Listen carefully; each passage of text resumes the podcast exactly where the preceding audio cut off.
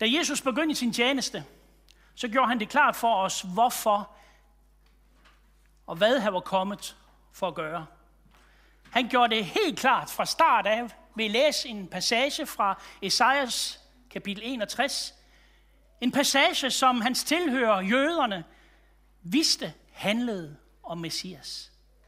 Ordene var skrevet flere hundrede år før, og talte om en ny frihed, der vil komme i fremtiden. Og de sidste tre søndage, der har vi fokuseret på de ord, og de ord skal vi læse sammen nu. Ud fra Lukas kapitel 4 og vers 17. Der står således. Han kom til Nazareth, hvor han var vokset op. På sabbaten gik han efter sædvane ind i synagogen, og han rejste sig for at læse op. Man rakte ham profeten Esajas bog, og han åbnede den og fandt det sted, hvor der står skrevet. Herrens ånd er over mig, fordi han har salvet mig. Han har sendt mig for at bringe godt budskab til fattige, for at udråbe frigivelse for fanger og syn til blinde. Og så er det de her ord, vi skal sætte en særlig fokus på i formiddag. Han kom for at sætte undertrykte i frihed og for at udråbe et nådeår for Herren. Amen. Jeg vil gerne tale om, hvordan troen på Jesus Kristus kan blive en ressource for dig, som oplever at være ufri på områder i dit liv. Der står her, at Jesus han kom for at sætte de undertrykte i frihed.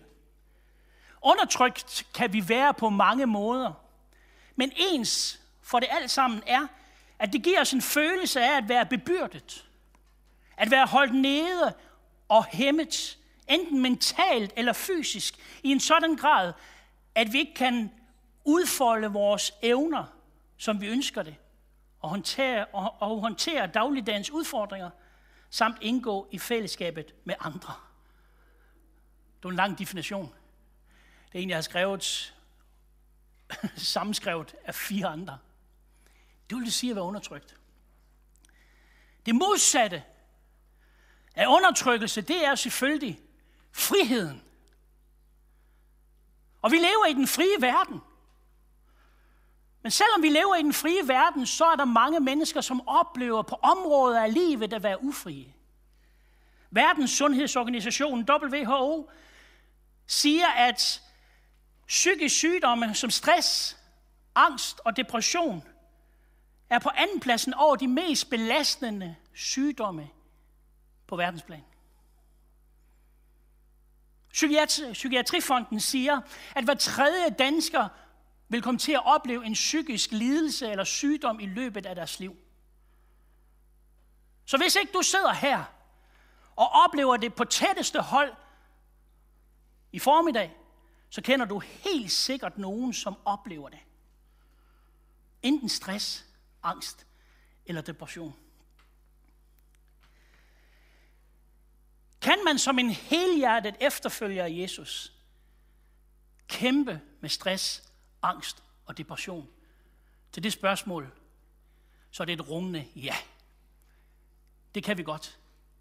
Men samtidig så tror jeg på, at troen på Jesus Kristus og troen på Bibelens ord giver os en ressource i mødet med stress, angst og depression og andre ting, der kan gøre os ufrie.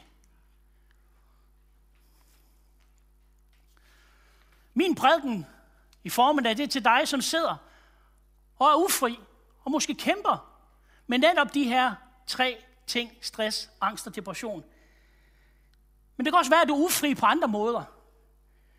Men min prædiken i formiddag er også for dig, som oplever at leve i friheden. Du oplever, at der er ingenting, der hæmmer dig, eller på nogen måde udfordrer dig, hverken mentalt eller fysisk. Men min prædiken er også til dig, som ønsker at være med til at sætte andre undertrykte i frihed. Personligt oplevede jeg i mine teenageår at blive ramt af en svær grad af OCD, tvangstanker.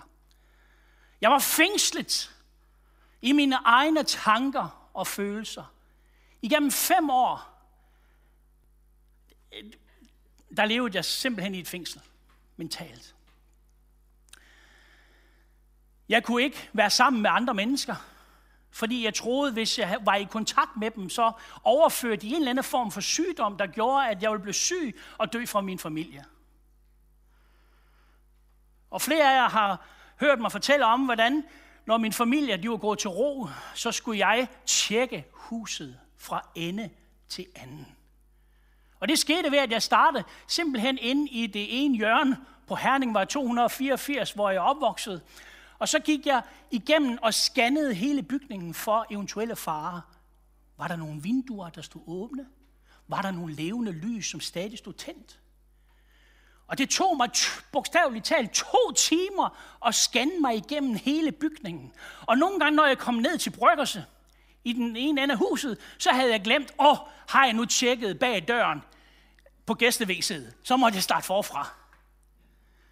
I flere år levede jeg som et fængsel, undertrykt af mine egne tanker, hæmmet i min udfoldelse. Jeg kunne ikke gøre det, jeg selv ønskede at gøre. Det gik ud over fællesskabet med andre. Men på et tidspunkt, så var der en, der lånte mig en bog, der hedder Battlefield of Your Mind, af en kristen forfatter, der hedder Joyce Meyer. Og jeg begyndte at læse den her bog. Og det, der skete, mens jeg læste den her bog, det var, at pludselig så begyndte den her kvinde, som selv havde oplevet at være undertrykt af noget i hendes fortid. Hun var blevet fri ved, at hun havde læst Bibelen, og at Bibelens budskab om frihed var begyndt at sive ind i hendes sind. Og pludselig så oplevede hun for første gang i sit liv en helt ny frihed. En helt ny frihed, da hun opdagede alt, hvad Kristus havde gjort for hende. Så hun begyndte at læse Bibelen, og det gjorde jeg også. Jeg begyndte at læse Bibelen og tro på det, der stod skrevet i Bibelen. Og pludselig hen over tiden, så blev jeg fri fra min OCD og er fuldstændig fri i dag.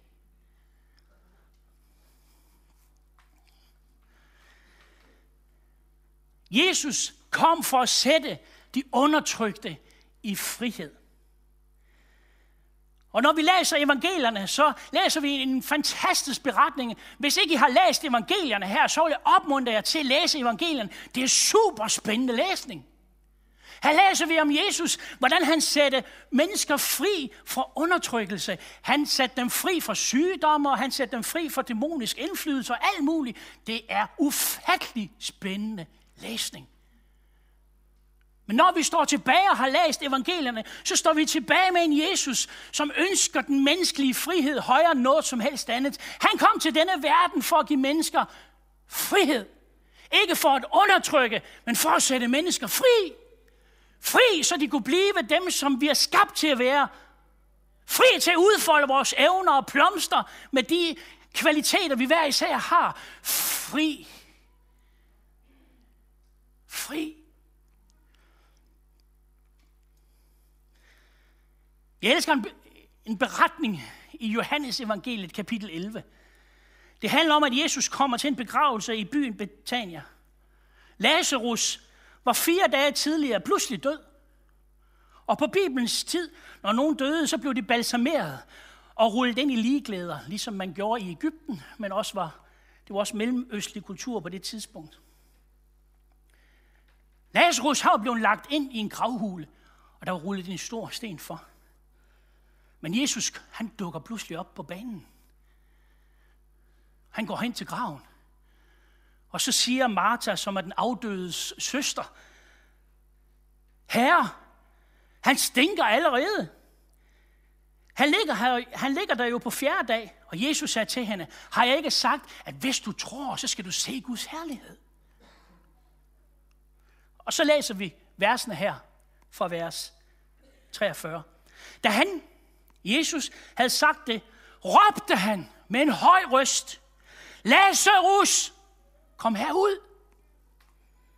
Og den døde kom ud med strimler af linned, viklet om fødderne og hænderne, og med et glæde viklet rundt om ansigtet. Jesus sagde til dem, det er disciplerne, løs ham og lad ham gå. Så den her lille historie er utrolig interessant, og den giver os nogle dybe åndelige sandheder om, hvordan Jesus sætter mennesker fri i deres indre. For det første, det vi kan lære af beretningen, det er, at frihed begynder i det indre. Det første, der sker i den her historie, det er, at Jesus kaldte ånden tilbage i Lazarus. Han har været død i fire dage, han har ligget derinde i gravhulen. Og i det øjeblik, Jesus han siger, Lazarus, kom herud, der sker der noget helt vidunderligt. Der sker der et mirakel i Lazarus' indre. Livets ånd vender tilbage i Lazarus. Bum. Han slår øjnene op, bling, og begynder at bevæge sig ud af graven. Hvor vil jeg hen med det? Jo, Bibelen siger, at når du siger ja til Jesus Kristus i dag, så sker der på samme måde, som Lazarus fik lov at opleve et mirakel på indersiden. Bibelen siger, at Guds ånd bogstaveligt talt flytter ind i dit indre. Du bliver et helt nyt menneske med nogle helt nye forudsætninger. Og så siger Bibelen de her fantastiske ord, hvor Herrens ånd er, der er der frihed. Og hvor er Guds ånd? Ind i mig. Da jeg begyndte som ung mand, at den sandhed begyndte at sive ind i min bevidsthed. Da jeg begyndte at læse Bibelen og tro på det, der læste, på, på, på det, jeg læste. Pludselig så så jeg i Bibelen, at Gud havde placeret sin egen ånd i mit indre. Og det var ikke en hvilken som helst ånd. Det var Helligånden. Den samme ånd, som var virksom påskemorgen. Da Jesus lå i graven og blev oprejst fra de døde, det var den samme ånd, den samme mægtige helligånd, som lever nu i mit indre. Da det begyndte at sive ind, at jeg vil ikke komme til at stå over for noget i min fremtid, som ikke jeg havde guddommelige ressourcer til. I det øjeblik begyndte angsten, frygten at slippe sit tag. Fordi jeg fandt pludselig ud af, stærkere er han, som er inde i mig, end noget af det, jeg kommer til at møde i min fremtid. Større og mægtigere er de åndelige ressourcer, Kristus har givet mig, end noget af det, jeg kommer til at stå over for i fremtiden. I det øjeblik, det begyndte at sive ind i mig, så måtte frygten og angsten slippe sit tag. Fordi frygten bag frygten, her er der en lille frygt bag al frygt, det er frygten for utilstrækkelighed. Det er det, der ligger bag alle form for angstlidelser. Frygten for at være utilstrækkelig over for det, jeg vil møde i nuet og i fremtiden. Og i det øjeblik, jeg fandt ud af, at jeg har ingen grund til at være utilstrækkelig. Hvorfor? Guds ånd er inde i mig. Hey, det går op med min egen utilstrækkelighed. I mig selv er jeg utilstrækkelig, men med Guds ånd i mit indre formår jeg. Hvor står det hen? Der var nogle bibellæser her. Wow. Wow. Angsten, frygten bag al form for frygt, og frygten for utilstrækkelighed. Og det gør Gud op med en gang for alle ved at sende sin ånd i vores indre. Jeg, jeg blev en smule begejstret. Er det okay? Her, her i kirken må vi godt vise begejstring. Fordi vi tror faktisk på det, vi står og forkynder. Vi har oplevet og erfaret det. Jesus Kristus har sat os fri. Frihed begynder altid i menneskets indre. Det andet, vi kan lære fra beretningen fra Lazarus, det er, frihed er ofte en proces. Vi kan kun forestille os, hvordan det må have været at se Lazarus komme ud af gravens mørke, pakket ind i tynde strimler af linned, efter skik i den egyptiske og jødiske kultur på det tidspunkt. Hans arme og ben var sandsynligvis indpakket individuelt, hvilket har tilladt en eller anden form for bevægelse. Men vi kan godt sige, at Lazarus, han var ufri, da han kommer ud. Og her er en af de faktorer i Lazarus historie, der chokerer mig allermest. For mens Jesus Kristus havde gjort, hvad han kunne, at kalde livsånden tilbage i Lazarus, så inviterede han sin disciple, der stod og så på, til at hjælpe med processen. Han siger til de disciple, løs ham og lad ham gå. Og jeg kan forestille mig, disciplene, Jesu efterfølgere, de har stået, siger han det til mig, tænkte Peter. Og Peter giver det over på Johannes. Er det var til dig, den der, Johannes? Og så er de sendt af dem videre. Men Jesus, han har stået der med sin stigende, nådefulde øjne, og så har han sagt, ja, ja, Peter og Johannes, det er jer. Løs ham, og lad ham gå. Det er den samme befaling, som Kristus giver kirken i dag. Jesus, Kristus, er den, der gør det levende på indersiden. Men samtidig så kan vi mennesker opleve, at der er noget på ydersiden, der hæmmer os. Nogen måtte fjerne ligeklæderne for Lazarus, for at han kunne opleve den fulde frihed, som Jesus Kristus havde skænket ham. Og frihed kommer sjældent på én gang. Det er en helingsproces, du er vidne til. Ikke en begivenhed. Der er nogle gange flere lag. Jeg oplevede, hvordan jeg selv som ung der, da jeg oplevede, at lige så stille, så blev der viklet nogle strimler af mig, mens jeg sad og læste min bibel. Pludselig så var der en strimmel, der sagde, jeg behøver sikkert frygte fremtiden. For Jesus siger, jeg er med dig alle dage ind til verdens ende. Så stod jeg lige pludselig over for troens skillevej. Skal jeg forlige mig med virkeligheden her, som, som jeg oplever den, eller skal jeg vælge troens vej? Skal jeg virkelig vælge at tro på, at han er med mig? Og det gjorde jeg. Wow. Så pludselig så blev der virkelig en strimmel om mig, væk fra mig. Og jeg blev frihed på det område. Og på samme måde kan du sidde her i formiddag, og du kan opleve, at måske friheden, den har, og Gud har lagt sin ånd ind i dig, men du er stadigvæk ufri på områder. Der er nogle strimler, der skal af dig. Det kan være en strimmel med angst. Det kan være en strimmel med afhængighed af dit eller dat, eller du kender dine strimler. Du kender de tanker og de følelser, som du er fastlåst i som holder dig tilbage. Men Jesus siger til sine disciple, løs ham og lad ham gå. Jeg kunne forestille mig, at disciplene var gået i gang. Og prøv lige at tænke en gang, det disciplene oplevet. Det må have stinket fuldstændig vildt. Han har lagt derinde i fire dage.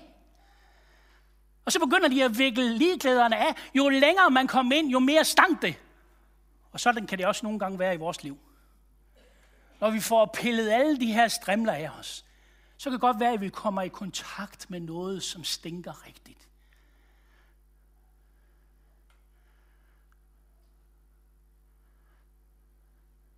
Men det er en del af friheden. Frihed er en proces. Hvad kan vi lære? Jo, Jesu budskab til hans menighed, det er, løs dem, som Kristus har oprejst. Hvordan gør vi rent praktisk? Jeg skal komme med tre ting. For det første, lyt til personens historie. Det at blive lyttet til bringer helbredelse og frihed. Lad mig sige det igen. Det at blive lyttet til bringer helbredelse og frihed. Gordon Jonsen, han var grundlægger af det psykiatriske sygehus i Norge, der hedder Modumbad. Han siger det på den her måde. Når tingene bliver bevidst, så kan vi gøre noget ved dem. Når tingene er ubevidst, så styrer de os. Sagt på en anden måde, det vi får snakket om og sat ord på, det kan vi gøre noget ved. Det vi ikke får snakket om og sat ord på, det går noget ved os. Det går noget ved os. Derfor er det så vigtigt for at hjælpe mennesker ud i frihed, at vi må tage tid til at lytte til deres historie.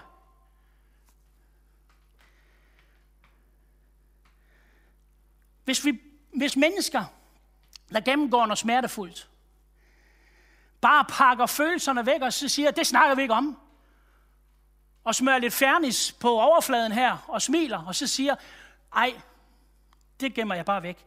Så vil man følelsesmæssigt blive fastholdt på det stadie, og man vil resten af sit liv reagere ud fra noget, som skete for lang tid siden. Det du ikke taler ud, det handler du ud.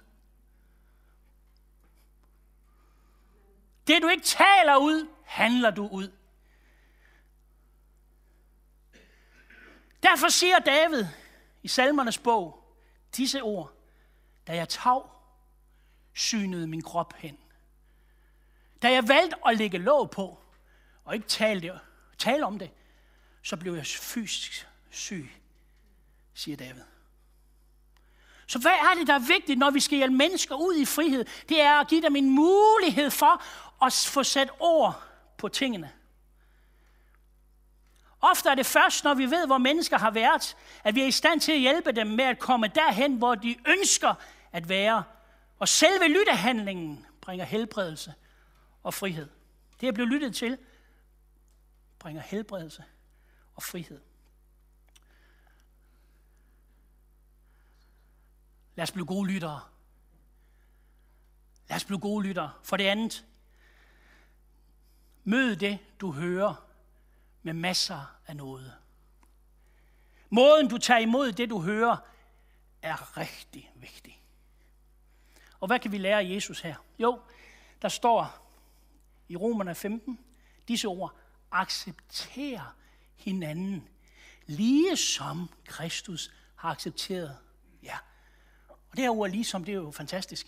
Det betyder, i samme grad som Kristus har accepteret mig, skal jeg acceptere andre. Hvad betyder accept? Jo, det er latin og betyder en velvillighed til at tage imod. Jesus var ekspert i at tage velvilligt imod alle mennesker. Alt det, der mødte ham, han tog velvilligt imod det. Hvorfor? Det er en del af nåden. Velvillighed til at tage imod. Derfor elskede mennesker, som, som var kommet lidt på kant af loven og på kant af samfundet på den ene og den anden måde. Sønderne. Alle dem, som var afkast i Israel de elskede at være sammen med Jesus. De flokkes om ham som fluer til et fluepapir.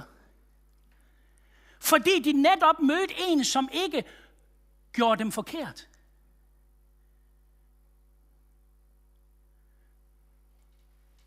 Han gjorde dem ikke forkert. Han tog velvilligt imod dem og gav dem friheden til at være den, de var. Og det skal vi også huske, når vi lytter til en persons historie. Tag velvilligt imod og mød med masser af noget.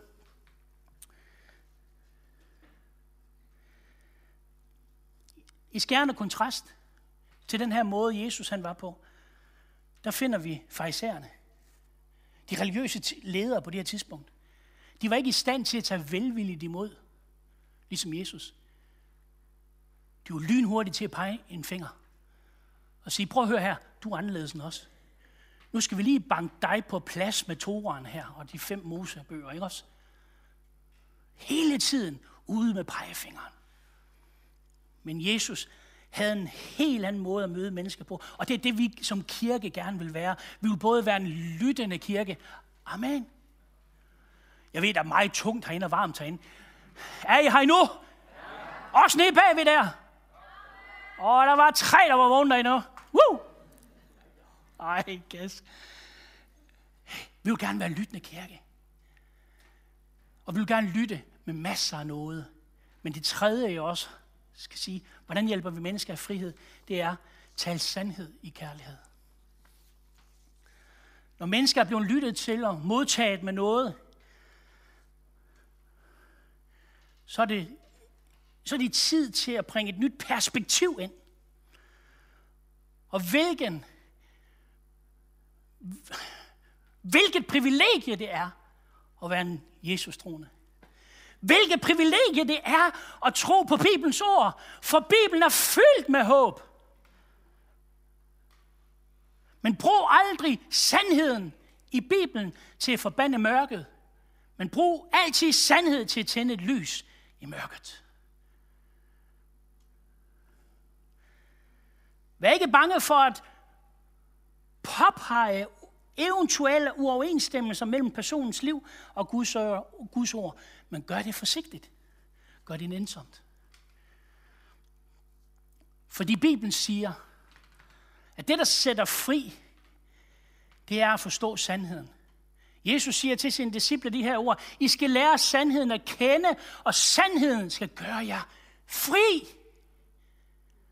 Wow!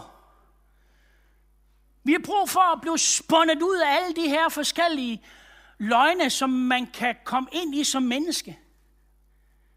Og lære sandheden at kende. Det var det, der skete for mig som ung. Pludselig så fandt jeg ud af de åndsressourcer, Kristus har givet mig, da jeg sagde ja til Jesus. Og ved du hvad, hvis du sidder her og aldrig sagt ja til Jesus, så kan du gøre det i formiddag. Og blive fyldt med de samme ressourcer og den samme ånd. Det er plus at være en kristen. Det er ressourcer, der lægges ind i dit indre. Jesus kom ikke til denne verden for at presse dig ned og undertrykke. Jesus kom for at løfte dig op og give dig frihed. Han ønsker ikke, at vi skal leve bebyrdet. Derfor siger han til sine disciple, kom til mig alle I, som træder, slæder, hvad han siger, kom til mig alle I, som slæber jer, som er trætte, lige præcis. Alle I, som er trætte og bærer på tunge byrder. Kom til mig. Frihed i tanke og sind. Vi skal til at afslutte. Jesus, han sagde disse ord i Lukas kapitel 4, som vi har set på de sidste søndage. Herrens ånd, sagde Jesus, er over mig.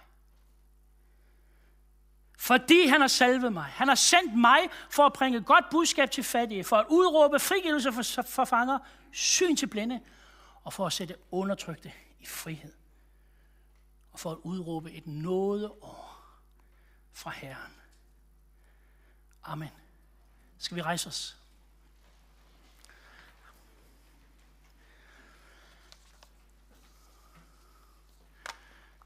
Er du her i formiddag? Og endnu ikke har sagt ja til Jesus, så vil jeg gerne opmuntre dig til at sige ja til ham. Det kan også være, at du sidder derude og følger med på Facebook eller YouTube, og endnu ikke har truffet en personlig beslutning om at gøre Jesus til din herre og frelser. Det kan du gøre i formiddag. Det sker ikke ved at melde dig ind i en frikirke eller kirkesamfund. Det sker ved at sige ja til Jesus. Måden vi kan gøre det på, det er at bede en bøn sammen. Og mens jeg beder den her bøn, så kan du bede med i dit hjerte, i dit sind, og sige, Jesus, jeg vil godt sige ja til dig i dag. Kom ind med al dine ressourcer, alt det du har, al din, din ånd. Kom ind i mit indre. Kære Jesus, tak fordi du ønsker friheden for mig. Tak fordi du denne formiddag må komme ind i mit liv og sætte mig fri fra synden, skylden, skammen. Og sætte mig fri og gøre mig til et frit menneske i mit indre. Jeg inviterer dig ind, Jesus, med alt det, du er og alt det, du har. Hjælp mig at følge dig fra i dag som en af dine disciple. Hjælp mig læse Bibelen og lære sandheden at kende. Tak fordi du gør et under i mit indre den her formiddag. Amen. Hvis du sidder derude, eller er her i salen her og bed den bøn i formiddag, så vil jeg godt ønske dig hjertelig velkommen i Guds familie.